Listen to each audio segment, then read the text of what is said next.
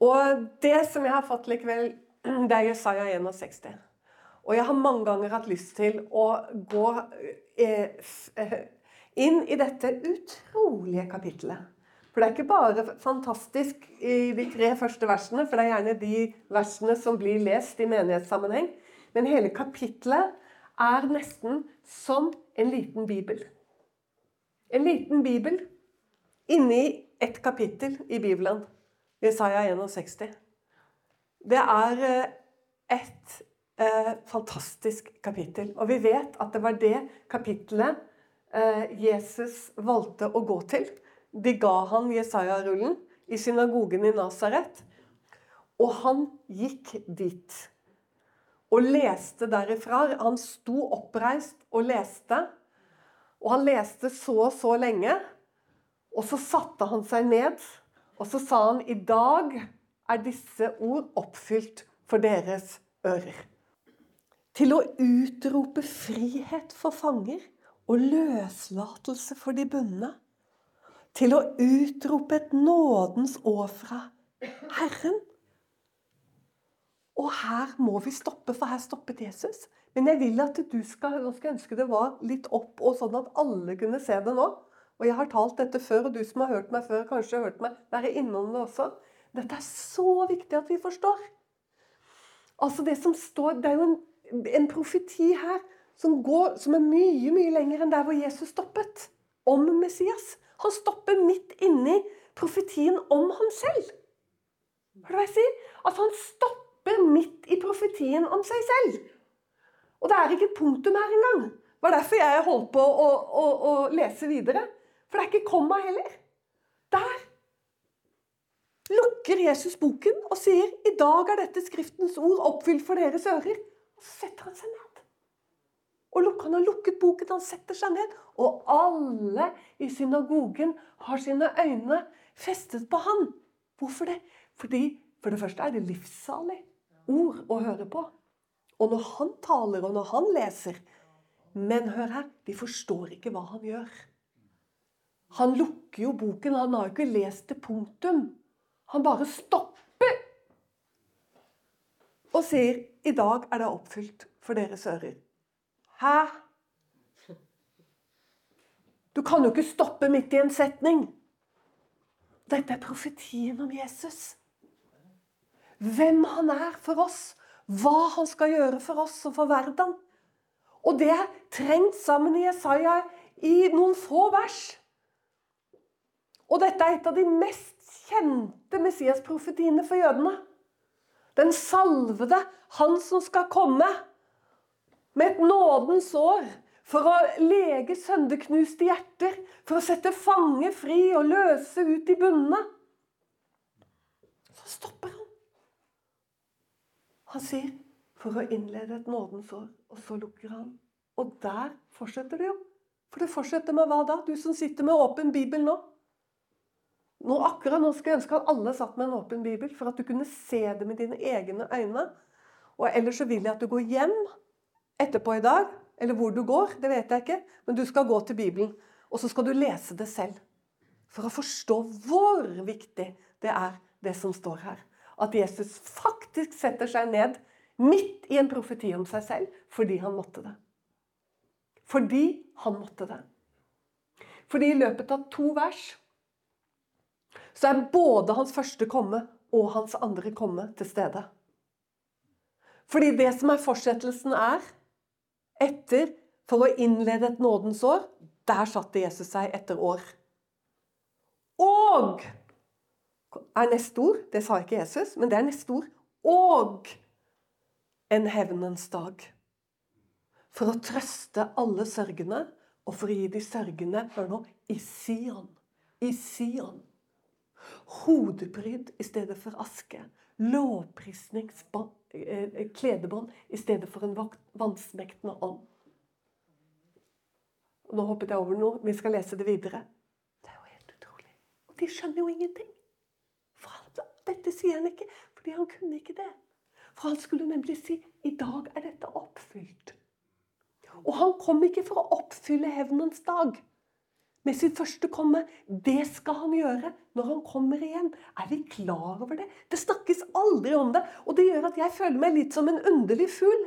Når jeg står og snakker om hevnens dag, det er liksom Hevnens dag, liksom! Gå ut med det! Det er Litt sånn følelse. Nå tøyser jeg litt, da. Men altså Hevnens dag og Jesus, du må ikke blande kortene her. Ikke sant? Ja visst. Hevnens dag. Ja, men den, det, det, det, det rammet da korset? Altså, det rammet vel han på korset? Ja, det gjorde det. Men det er derfor vi trenger å bli frelst. Fordi at han som kom med nådens år for å frelse oss, han er vår dommer. Han er vår dommer. Hvor trygt er ikke det? han? Hvor skjønt er ikke det? At han som skal være vår dommer en dag, det var han som ropte ut på korset 'Det er fullbrakt'. Han tok straffen på seg. Han som er vår dommer. Dommeren tok straffen på seg. En gang til. Dommeren tok straffen på seg for at du skulle ha fred. Men har du ikke kommet inn under blodet, har han ikke blitt din frelser, så blir han kun din dommer. Og det er derfor at han, han kommer igjen, og han kommer fortsatt igjen med hevnens dag. Den har ikke forsvunnet pga. Golgata. Den er like reell. Han kommer med hevn, hører du det? Over verden og over synden. Og derfor må vi være dekket av blodet, dere. Derfor må vi tilhøre han og være hans. Jesus satte seg ned etter et nådens år, lukket boken og sa i dag er dette oppfylt for deres ører. Men hvor innmari vi trenger å lese videre. Og vet du hvorfor vi trenger så veldig å lese videre? Fordi det handler så innmari om Israel, om jødene. Og der ser vi jo hvor, hvordan Jesus og jødene er kobla sammen på en sånn måte at de er uatskillelige. Han kommer hva da? For å trøste, står det. Det er veldig underlig. Vi må, vi må dvele litt her, for det er veldig underlig. For du er ikke vant til å koble trøst og hevn, er du det? Vær ærlig. Du er ikke vant til å koble trøst og hevn. Men det gjør Bibelen. Han kommer nemlig for å trøste. Han som skal opprette sitt rike for alle de saktmodige på jorden. For alle de som venter på ham. Han er trøste for alle de som er undertrykt og nedbøyd pga. ordets trengsel i verden. Ser du det? Han kommer til alle dem. Men så kommer han spesielt til noen som han har sine øyne på. Fordi de er i hans pupill. Du vet, Det står øyesten i vår oversettelse. Det er ikke det det står på hebraisk. Det står, det står at han er deres pupill. Hallo, det er der lyset går inn. Skjønner du? Du ser ingenting uten pupill, for lyset går inn gjennom pupillen. Og det står at jødefolket er hans pupill. Han kommer for å trøste alle sørgende, og så kommer han for å trøste de sørgende i Sion. Tenk hvordan han har sett dem. Tenk hvordan han har sett dem. Hva de holder på med nå.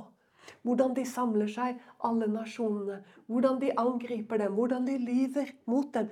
Legg merke til hvordan det også står hos Jesaja at hver tunge som går i rette med deg, du vet at eh, fordi de nå ikke er tilbake på oljetreet, så er de på Altså, løftet gjelder. Men det er vi som prester som kan stå der i dag og holde dette folkets armer oppe. Som prester for Gud. Sånn at det, den rett som ordet gir hans tjenere, og det er nemlig hver tunge som går i rette med deg. Og er det noe de har gjort, så er det å gå i rette med jødene med tungen sin. Hvor de lyver. Hvor de holder på. Og det blir mer, og det blir mer intenst. Tilbake til Jesaja 61, og det er det jeg vil du skal se. Hvor kobla sammen Jesus er til sitt folk. Han kommer spesielt for å gi hva da? de sørgende i Sion. Hevnens dag. Hans gjenkomst til jorda er med fokus på hans folk. Og i Joel, og det skal du lese før du sovner i kveld, siste kapittel i Joel, de siste versene der, så står det at han kommer for å hevne de samme ordet som han ennå ikke har hevnet. Tenk på det. Og så står det Og siste setningen i Joel er Og Herren bor på Sion. Salme 2 så står det Folkene larmer, fyrsten reiser seg, vil sprenge dette åket av seg. Hva er det for noe? Åket av Guds ord.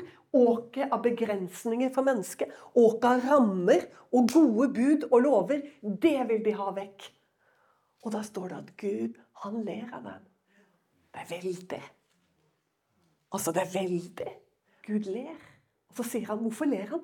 Jo, fordi jeg har allerede innsatt min konge, altså Messias, den salvede, på Sion. Og det sa Gud igjennom kong David 1000 år før Jesus kom i kjøtt og blod. Han er allerede innsatt på Sion. Ifra tidenes morgen. Hvor fokusert han er. Hvor klar han er. Når Jesus kommer igjen Første gangen kom han for å innlede et nådens år. For å trøste. For å lege. For å utfri. Og så kommer han igjen. Det var som frelser. Så kommer han igjen som dommer. Og da skal han hevne. Og da sier det helt utrolig. Det er ikke bare synd og verden. Men han skal spesifikt hevne det vi har gjort mot hans folk. Og det er derfor jeg, så, jeg føler meg så sikker når du ser Matteus eh, evangeliet 25. kapittel, når Jesus forteller ikke sant, om at han skal sitte på tronen, og så skal han stille geitene og fårene framfor seg, nasjonene. Og så skal han på en måte skille dem. Og da, og da snakker han plutselig velsignet forbannet. Jesus gjorde jo aldri det. Dere velsignet, dere forbannede. Og da tenker jeg på det. Hva er det det står for noe? Den som velsigner deg, skal være velsignet. Den som forbanner deg, skal være forbannet. Og han snakker også om sine minste brødre. Tenk da hvor Én ting er at verden fortsetter å hetse jødefolket etter 2000 år. Det er én ting. Men hvor alvorlig er det ikke da hvis man bekjenner seg som kristen og er ganske likegyldig til jødene? Og da må jeg fortelle deg et ørlite vitnesbyrd som en parentes. fordi jeg møtte en mann, jeg mener det var på Rema, og han var en pastor i en menighet. Og jeg visste hvem han var, og han visste hvem jeg var, og vi møttes der midt mellom cornflakesen. Og så, og så ble han litt sånn stressa når han så meg. Og så, og jeg vet ikke helt hvorfor han ble stressa, men jeg tror han følte han burde ha invitert meg. eller et eller annet sånt nå. Og så sier han bare ja, men du skjønner det, vi skulle jo hatt deg, Eva Olsvåg Sunda, men du skjønner, vi er så Jesus-fokuserte, vi, sa han. Det, det, det, er jo litt fornærmende å si også, ikke sant? Det var jo, det var jo litt fornærmende. Så, men, men, jeg ble ikke fornærmet. Fordi at Ja vel, sa jeg. Ja, men sier du det? Ja, ja, akkurat. Jeg hadde egentlig litt lyst til å invitere han ut på middag for å forklare han et par ting. For jeg tenkte at Hvis du ikke vil ha fokus på Israel fordi du vil være så Jesus-fokusert i menigheten din, da er, det noen, eh, hva skal jeg si, da er det noen små ting i grunnmuren du ikke helt har fått på plass. For å si det slik. For er det en som er fokusert på folket sitt, så er det han. Og Jesaja 61 er jo en av de stedene hvor du virkelig kommer inn i det.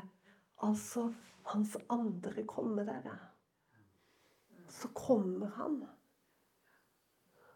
for å trøste de sørgende i Sion. Og jeg tenker, Er det noen som trenger trøst i dag? Jeg syns det burde komme nå, liksom. sånn, Som trenger trøst. Er det de sørgende i Sion? Trøst, trøst mitt folk, sier deres Gud. Tal vennlig til Jerusalem og rop til henne at deres strid er endt, og at deres skyld er betalt. At det av Herrens hånd har fått dobbelt for alle sine synder. Og det er da ikke Guds vilje, det, at de skulle få dobbelt. De skulle vel bare få konsekvensene sånn som de var. Ikke dobbelt opp, men jeg er redd for at de har fått mange dobbelt opp. For å, for, å, for å, si det sånn som jeg tror det, da. At de har fått det mangedobbelt opp, rett og slett. Hør! ikke sant? Da kommer da profetien som Johannes gikk rett inn i. Trøst! Han kommer. Jesaja 61, vi er tilbake. Han kommer for å trøste de sørgende i Sion. Og så står det så fint Det som kommer etter nå For han dveler, vet du. Og han kommer jo ikke ut igjen, Jesaja. Så hele resten av kapittelet handler om jødefolket. Hele resten av kapittelet. Og du må gjerne ta deg selv inn i dette, for alle løftene i Bibelen har fått sitt ja og sin amen i Kristus Jesus. Så det kan godt gjelde for deg, og du, Gud kan åpenbare akkurat disse ordene rett inn i ditt liv. Men det som står videre, handler om jødene. Han kommer for å gi de sørgende i Sion. Hør hva det står. Hodepryd i stedet for aske. Er det ikke herlig? Det er så fint. Og du skjønner at der har 2011-bibelen gjort en skikkelig tabbe. De har noen andre de gode ting. Du skjønner, Jeg holder jo på med alle biblene på en gang. Men her har de gjort en tabbe. For vet du hva de har skrevet? For å gi dem turban i stedet for aske. Det er jo meningsløst. altså eh, Hvem i Norge er det som forbinder turban med noe spesielt? Altså, altså det For oss, noen som går med turban, altså det er jo bare for oss et bestemt folk, liksom. Altså de som går med turban. Altså, snakk om å falle i, i, i oversettelsesgrøften, altså. Eh, turban. Nei, det er jo nydelig oversatt allerede. Hodepryd, for det er jo det der. Hvis du har vært, eh, hvis du har vært i Samaria blant disse som de kaller for eh, bosetterne med en sånn forferdelig eh, guffen eh, Hva skal du si? Litt sånn mobbende måte å snakke på. Bosetterne for at du skal få sånn Sør-Afrika-tanker. Det er sånn de gjør i NRK. Eh, men jeg har truffet noen av disse nydelige, flotte, ydmyke, eh, på mange måter også Ja, på alle måter gudfryktige bosettere. Og noen av de kvinnene der, de er veldig med hodepryden, altså.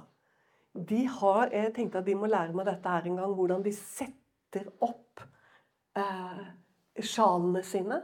Og på en måte lager de skjønneste kreasjoner. Vet ikke om du har sett det? De går med sånne kreasjoner. Afrikanere er jo også veldig flinke med hodepryd. Det er veldig flott. Vi kvinner vet vi går glipp av noe, vi norske kvinner. Vi, liksom, vi bare trekker nisselua nedover hodet, eller trekker en eller annen sånn latterlig lue ned som vi bare drar ned over kalotten.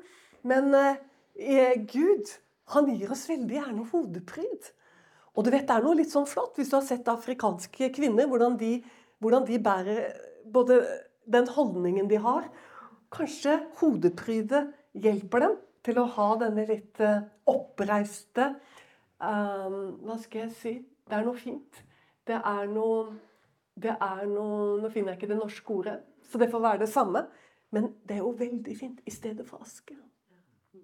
Da kommer motsetningen fram. Men hvis noen sier til meg at du skal få turban istedenfor aske, så skjønner jeg ingenting. Jeg skjønner ikke hva du snakker om. Forstår ikke hva du babler om i det hele tatt. Så jeg unnskylder de som har holdt på med dette, altså, for det er jo sånne brølere man kan gjøre. Men dette er åpenbart en brøler.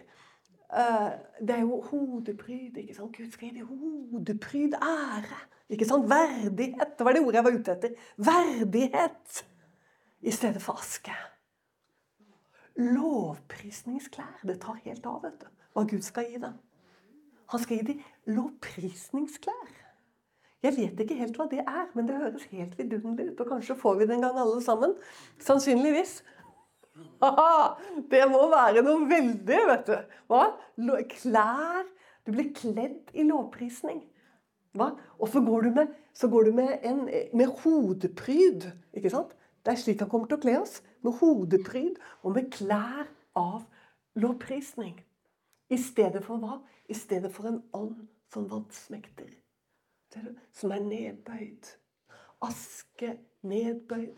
Skulle du oppsummere jødenes historie gjennom 2000 år, selvfølgelig med hvilepauser, og lettere dager og bedre tider, selvfølgelig. Men jeg tror i det store og det hele, når Gud ser ned på sitt elskede folk, så ser han asken, og så ser han den eh, nedbrutte den nedbrutte i stedet for den vansmektende. Det er et veldig sterkt ord. vansmekte. Du vet, da er du, da er du knekt. Knekt. Vansmekter. I sorg. Og så står det de skal kalles for terebinter. Herrens plantning til hans ære. Det er også sånne ting vi bare leser fort forbi, for vi skjønner ingenting av det. Men det som er, vet du, at, det, at her er det et ord på hebraisk som egentlig bare betyr på en måte for han. Altså dette ordet terebint. Det er jo derfor det er brukt. Det, det, betyr egentlig hos han, eller for han, eller noe som tilhører han. Dette ordet. Sånn at, eh, og det er noe han har planta. Og det er hans. Og det er til hans ære at han skal gjøre dette her for hele verdens øyne. Å, jeg gleder meg. Å, Gud, må jeg få se dagen, var. Så fantastisk.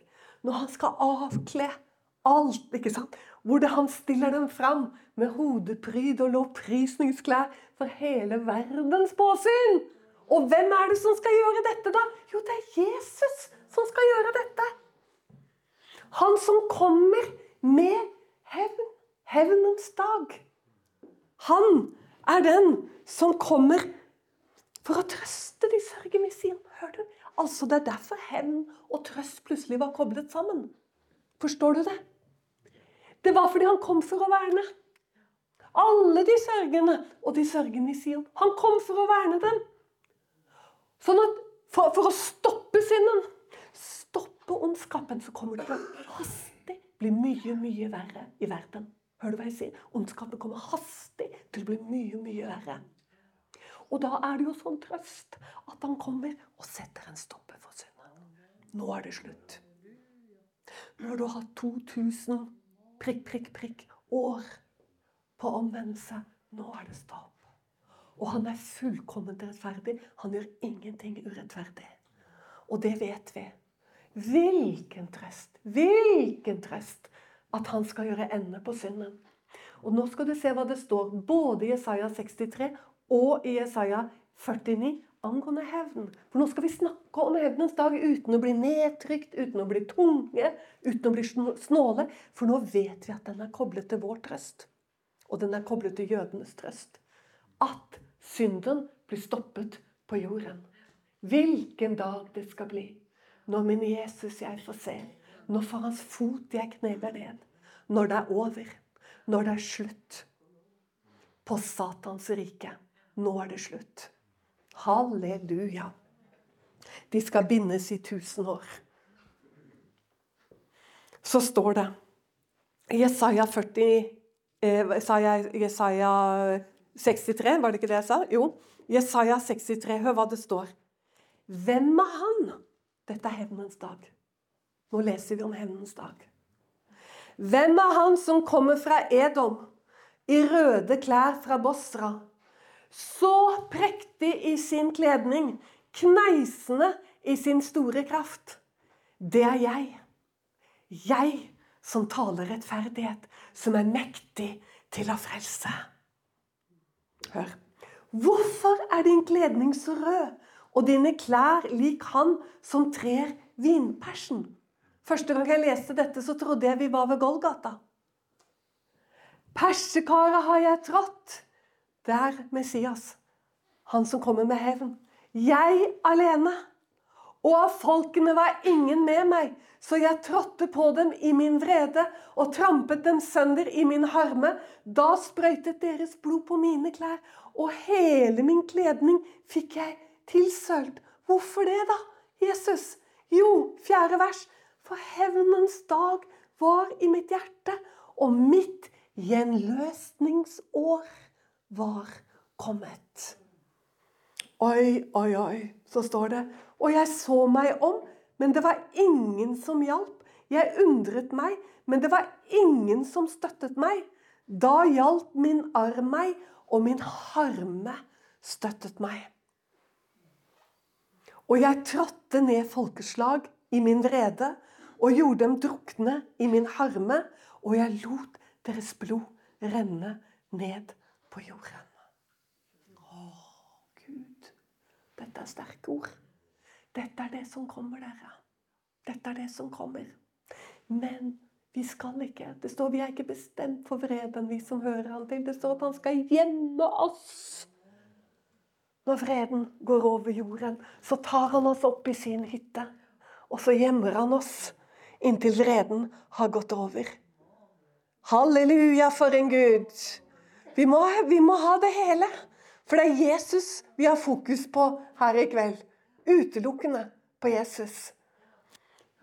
Så tenker du, ja, men står det Kanskje står dette noe annet sted? For da blir det jo enda mer wow. Det står også i Jesaja 59. Hør. Og sannheten ble borte. Og den som holdt seg fra det onde, den ble plyndret. Og Herren så det, og det var ondt i hans øyne at det ingen rett var, og nå legger jeg til, igjen på jorden. Og han så at ingen trådte fram. Og han undret seg over at det var ingen som førte hans sak. Da hjalp hans arm ham, og hans rettferdighet støttet ham.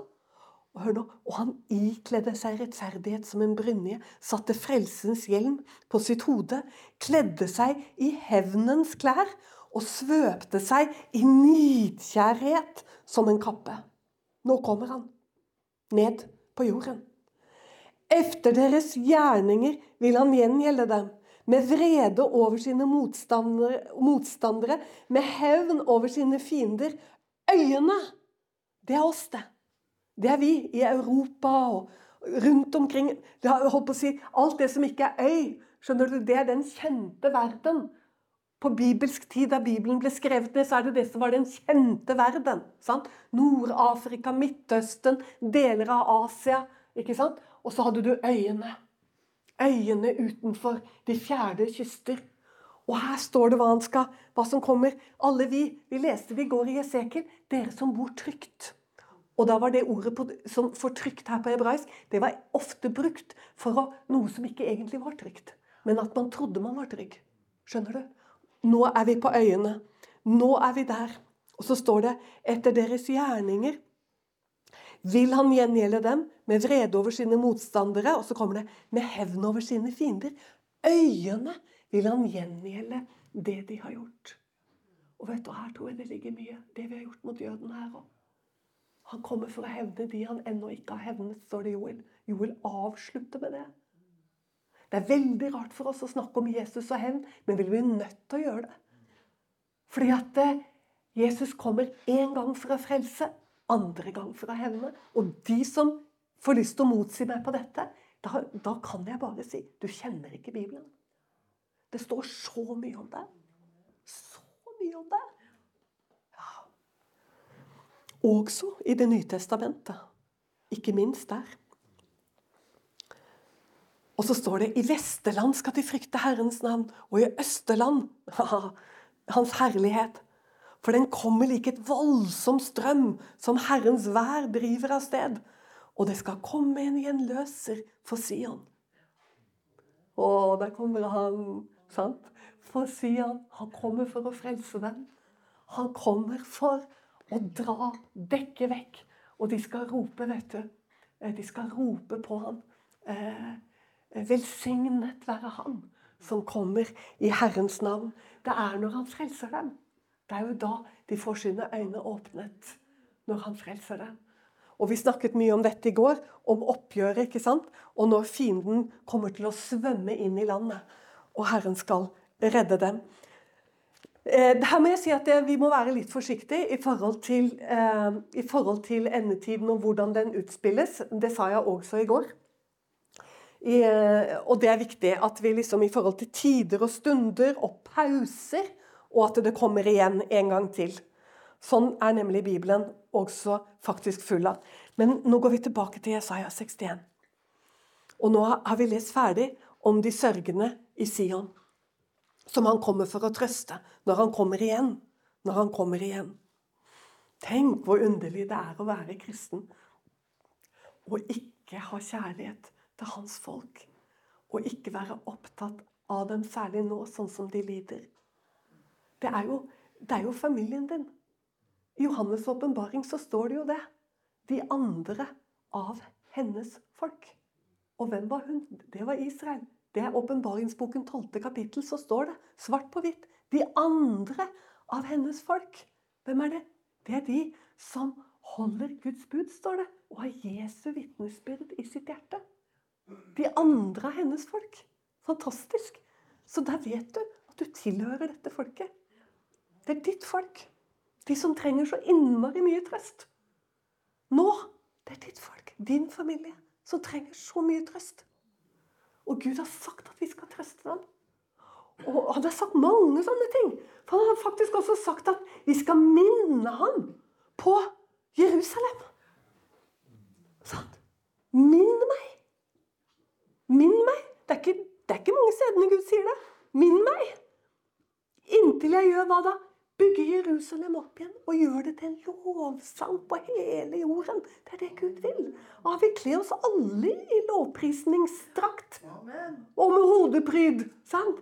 Og vi skal jo vente og lengte og be til dette. Sånn at vi minner Herren til stadighet. Det? Det er litt rart at han trenger å bli minnet. Men det er jo det at han vil at vi skal minne ham. Det, det, det er oss det handler om. Han vil at vi skal minne ham. Og så står det videre Hva er det de skal gjøre, disse her rettferdighetens terebinter, som er hans? Jo, de skal bygge opp igjen det som ble ødelagt i eldgammel tid. De skal gjenreise det som har ligget øde fra de første slekter. De skal fornye ødelagte byer. Det som har ligget øde fra slekt til slekt.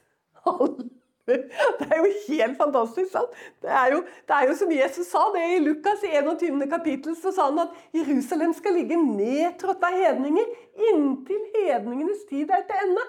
Skal ligge nedtrådt. Og her står det i Isaiah. Sant? Det har ligget øde fra slekt til slekt til slekt. Har det ligget nedtrådt. Og det har ligget øde, akkurat som Jesus sa. Men så begynte han å sende det hjem igjen, og vi lever midt i den perioden. Han kaller de tilbake, gjør alle fjeller til veier. Drar dem hjem fra nord, syd og øst. Han roper til Syden. Han roper, Sånn står det hos Jesaja. Han roper det hjem.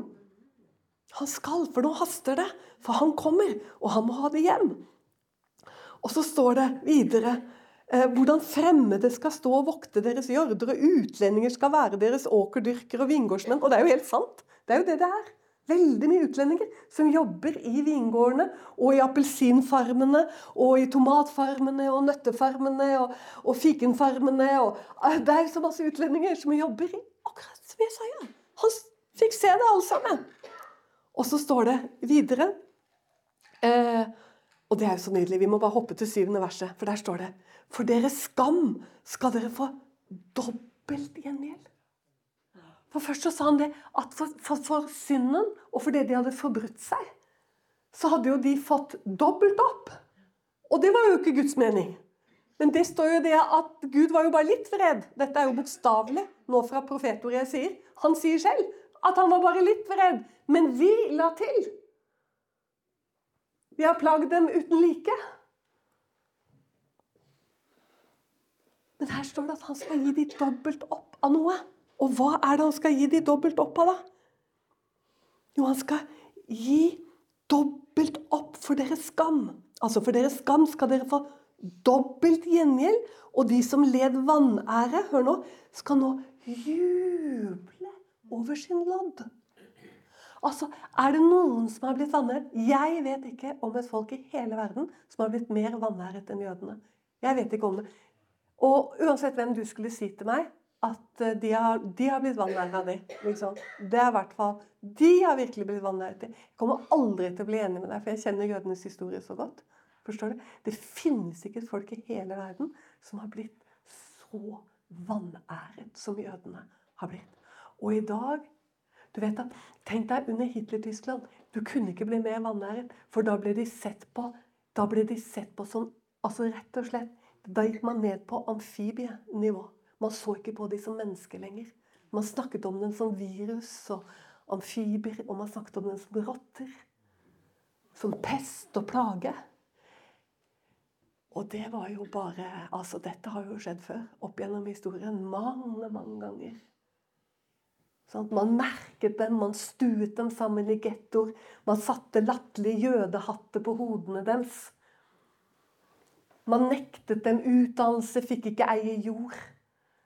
Altså, Det er bare fantasien som setter begrensninger på hvordan vi er vanæret, jødene. Vi har vanæret dem så innmari. Men vet du hva? Gud skal glede dem, står det her. Han skal glede dem så enormt at de kommer til å juble over den skjebnen de fikk. Hæ? Er det mulig? Det kommer en dag hvor jødene kommer til å kunne juble over sin lodd. At de fikk stå i denne tjenesten. For det er jo det de har gjort. De har stått i en tjeneste. De som ble kalt for Guds mordere. Hvilken vanære! Hvilken vanære! Guds mordere. Skulle ikke Jesus dø for våre synder? Du skjønner, de opererte som prester for oss. Det betyr ikke at ikke Gud straffet deg. Han gjorde det, men allikevel er dette underlig. Allikevel så var det Guds plan. Slik sa jo Paulus det i Romerne brevet 11. Det var Guds plan. At det måtte bli sånn. Det var ingen annen løsning, det var ingen annen vei. Det står at de er elsket for fedrenes skyld. Og så står det at de blir fiender. Hør, da. De blir fiender av evangeliet for vår skyld. Der har du løsningen. Da er det vanære da, å kalle de for Guds mordere. Når de blir fiender av evangeliet for vår skyld.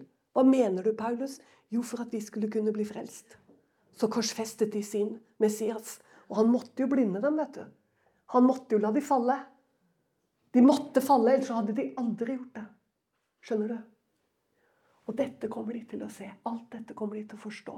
På et nu, på en dag, så kommer de til å forstå det. Og du bør også forstå det. Du må forstå det. Det er livsviktig at du forstår det den vanæren som jødene har lidd. Men den skal han ta bort. Fra hele jorden. Fra hele jorden. Hvordan blir det? De skal få dobbel del i sitt land. Sant? Det er liksom Det må du ikke si høyt. Stor-Israel. Det er jo som å banne i kirken. Og det verste er at det faktisk er som å banne i kirken i dag. Det var jo ikke sånn kanskje tidligere, eller kanskje var det sånn, jeg vet ikke jeg. Man har jo aldri vært så veldig glad i Israel i kirken. Eller noen historiske kirker, som jeg vet om. Det er ikke mange av dem. Kanskje den bulgarske. Der var jo noen av prestene der de la seg jo på toglinjen når Auschwitz-vognene kom med jøder. Så lå prestene på toglinjen og sa det at eh, skal dere føre dette folket ut herifra, så får dere kjøre over oss først. Men du vet, det var ikke mange av det kaliberet. Det har jo ikke vært så mange av dem. Hvilken Gud vi har. Og det er Jesus Kristus som taler. Det er han som taler her. Det er han som skal gjøre dette her. Vår frelser og Herre skal gjøre alt dette for jødene. For jeg er Herren, og jeg elsker rett og hater urettferdig rov. Det er vel kanskje derfor han sier han skal gi dem dobbel del i landet. At han hater urettferdig rov. Det er hans land, nemlig.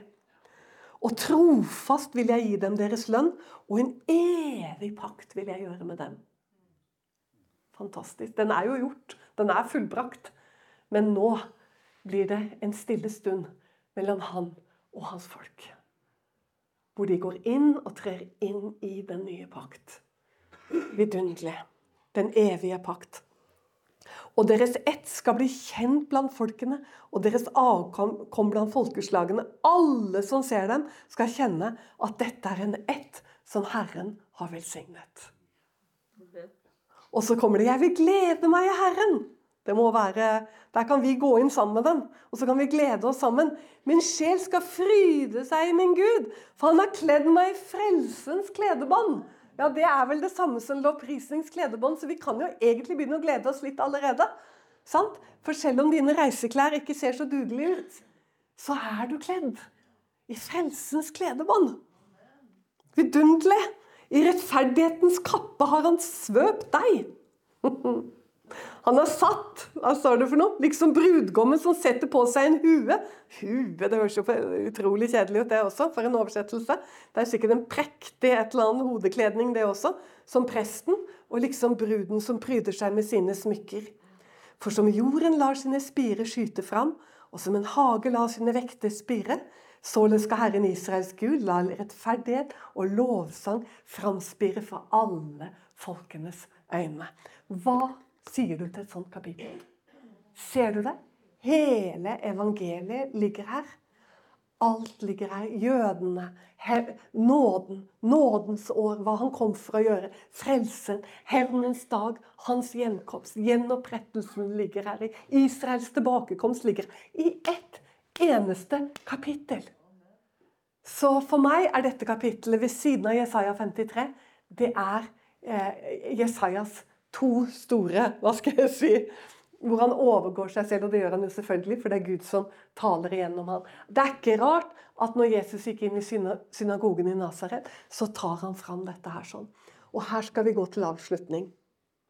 Fordi han velger ut denne inngangen, og han kan, som jeg sa, ikke fortsette. Fordi da er han inne i sitt andre komme. Men dette første han sier om hvorfor Herren har salvet ham, det er til å tale et gledesbudskap med glede. Og så sier han at han skal forbinde de sønderknuste hjerter.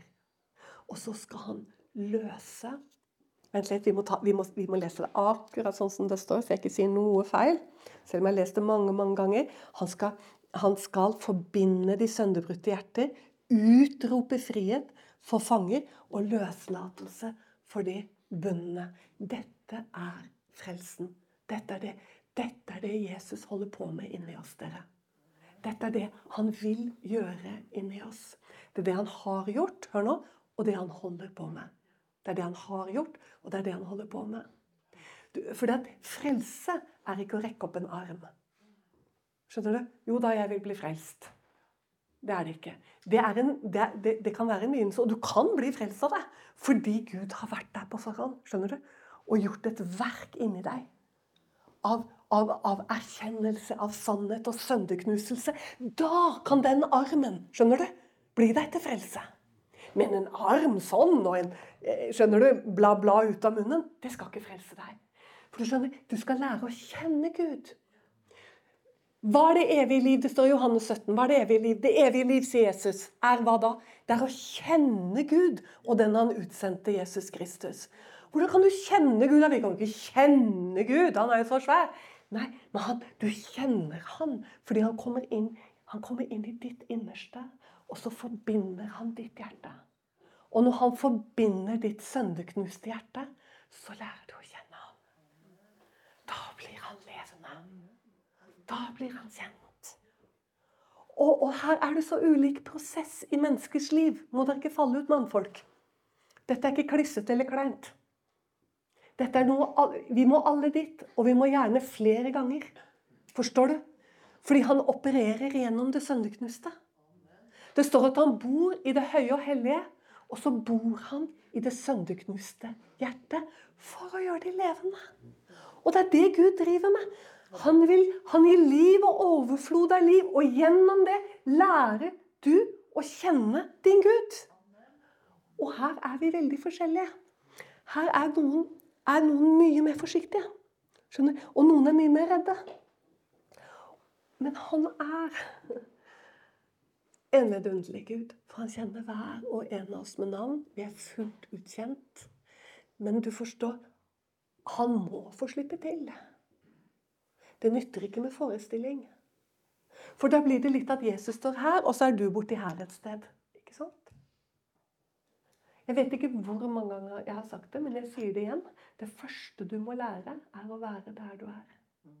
Og ikke være der hvor du i grunnen ikke er. Forstår du? Forestilling må du bare legge vekk. Og så må du bli kjent med han, og han jobber i sønderknuste hjerter. Og så må du tørre å ikke være så redd. For du vet, vi mennesker er veldig redde. Det er derfor han kommer med miskunn først, og så kommer han med sannhet. Så først så forbinder han sønderknuste hjerter, kommer med miskunn. Da lærer du å stole på han og kjenne han. Og, forstår du?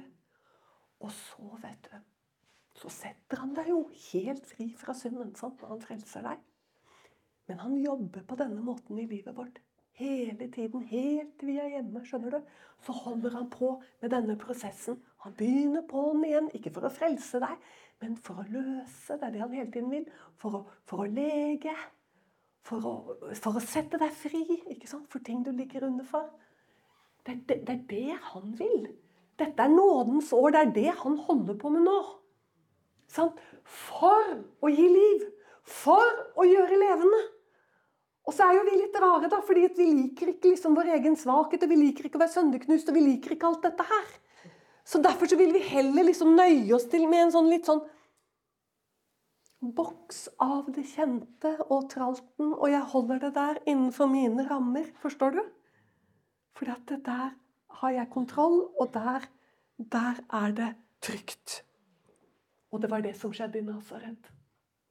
Dette, dette er avslutningen nå. Det var det som skjedde i Nasaret. For Jesus han ropte ut i synagogen og sa Han ropte dette, vet du, det må du regne med. Han ropte det, akkurat sånn som det står. For å rope ut, for han er jo Besias. Frihet for fanger. Jeg skulle gjerne hørt han. Han ropte ut frihet for fanger. Han ropte løslatelse for de bundne. Det var sikkert en voldsom autoritet og kjærlighet på en gang. Og vi var helt satt ut ikke sant, av dette. Og det var livssalige ord, står det. At de syntes det var livssalige ord. Men så skjedde det noe. Josefsson. Er ikke dette Josefsson, da? Du, vi er virkelig vår egen verste fiende. Tenk alle de som kunne blitt løst og satt fri og blitt lekt i den synagogen. Er ikke dette Josefsson, da? Og Jesus visste med en gang hva de tenkte. Og så sa han det var mange enker i Israel da Elia var profet. Men Gud sendte han bare til én i Sarepta. Og så sa han og det var mange spedalske på Elishas tid. Men det var bare Nei, syreren Naam. Og det, og det sier jeg gjerne igjen. Og det var på nød og neppe at han ble frisk.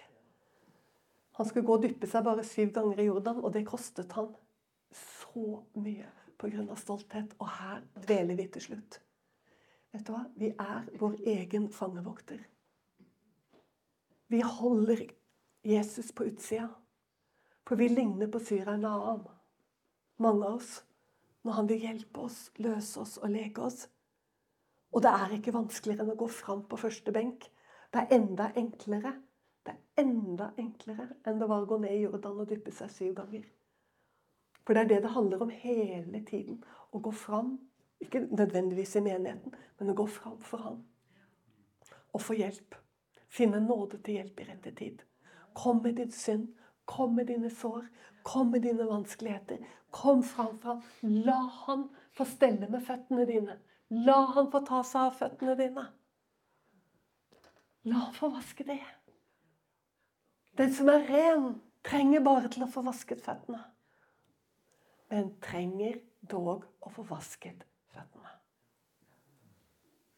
Det er Jesus Kristus, vår frelse, som kaller på oss.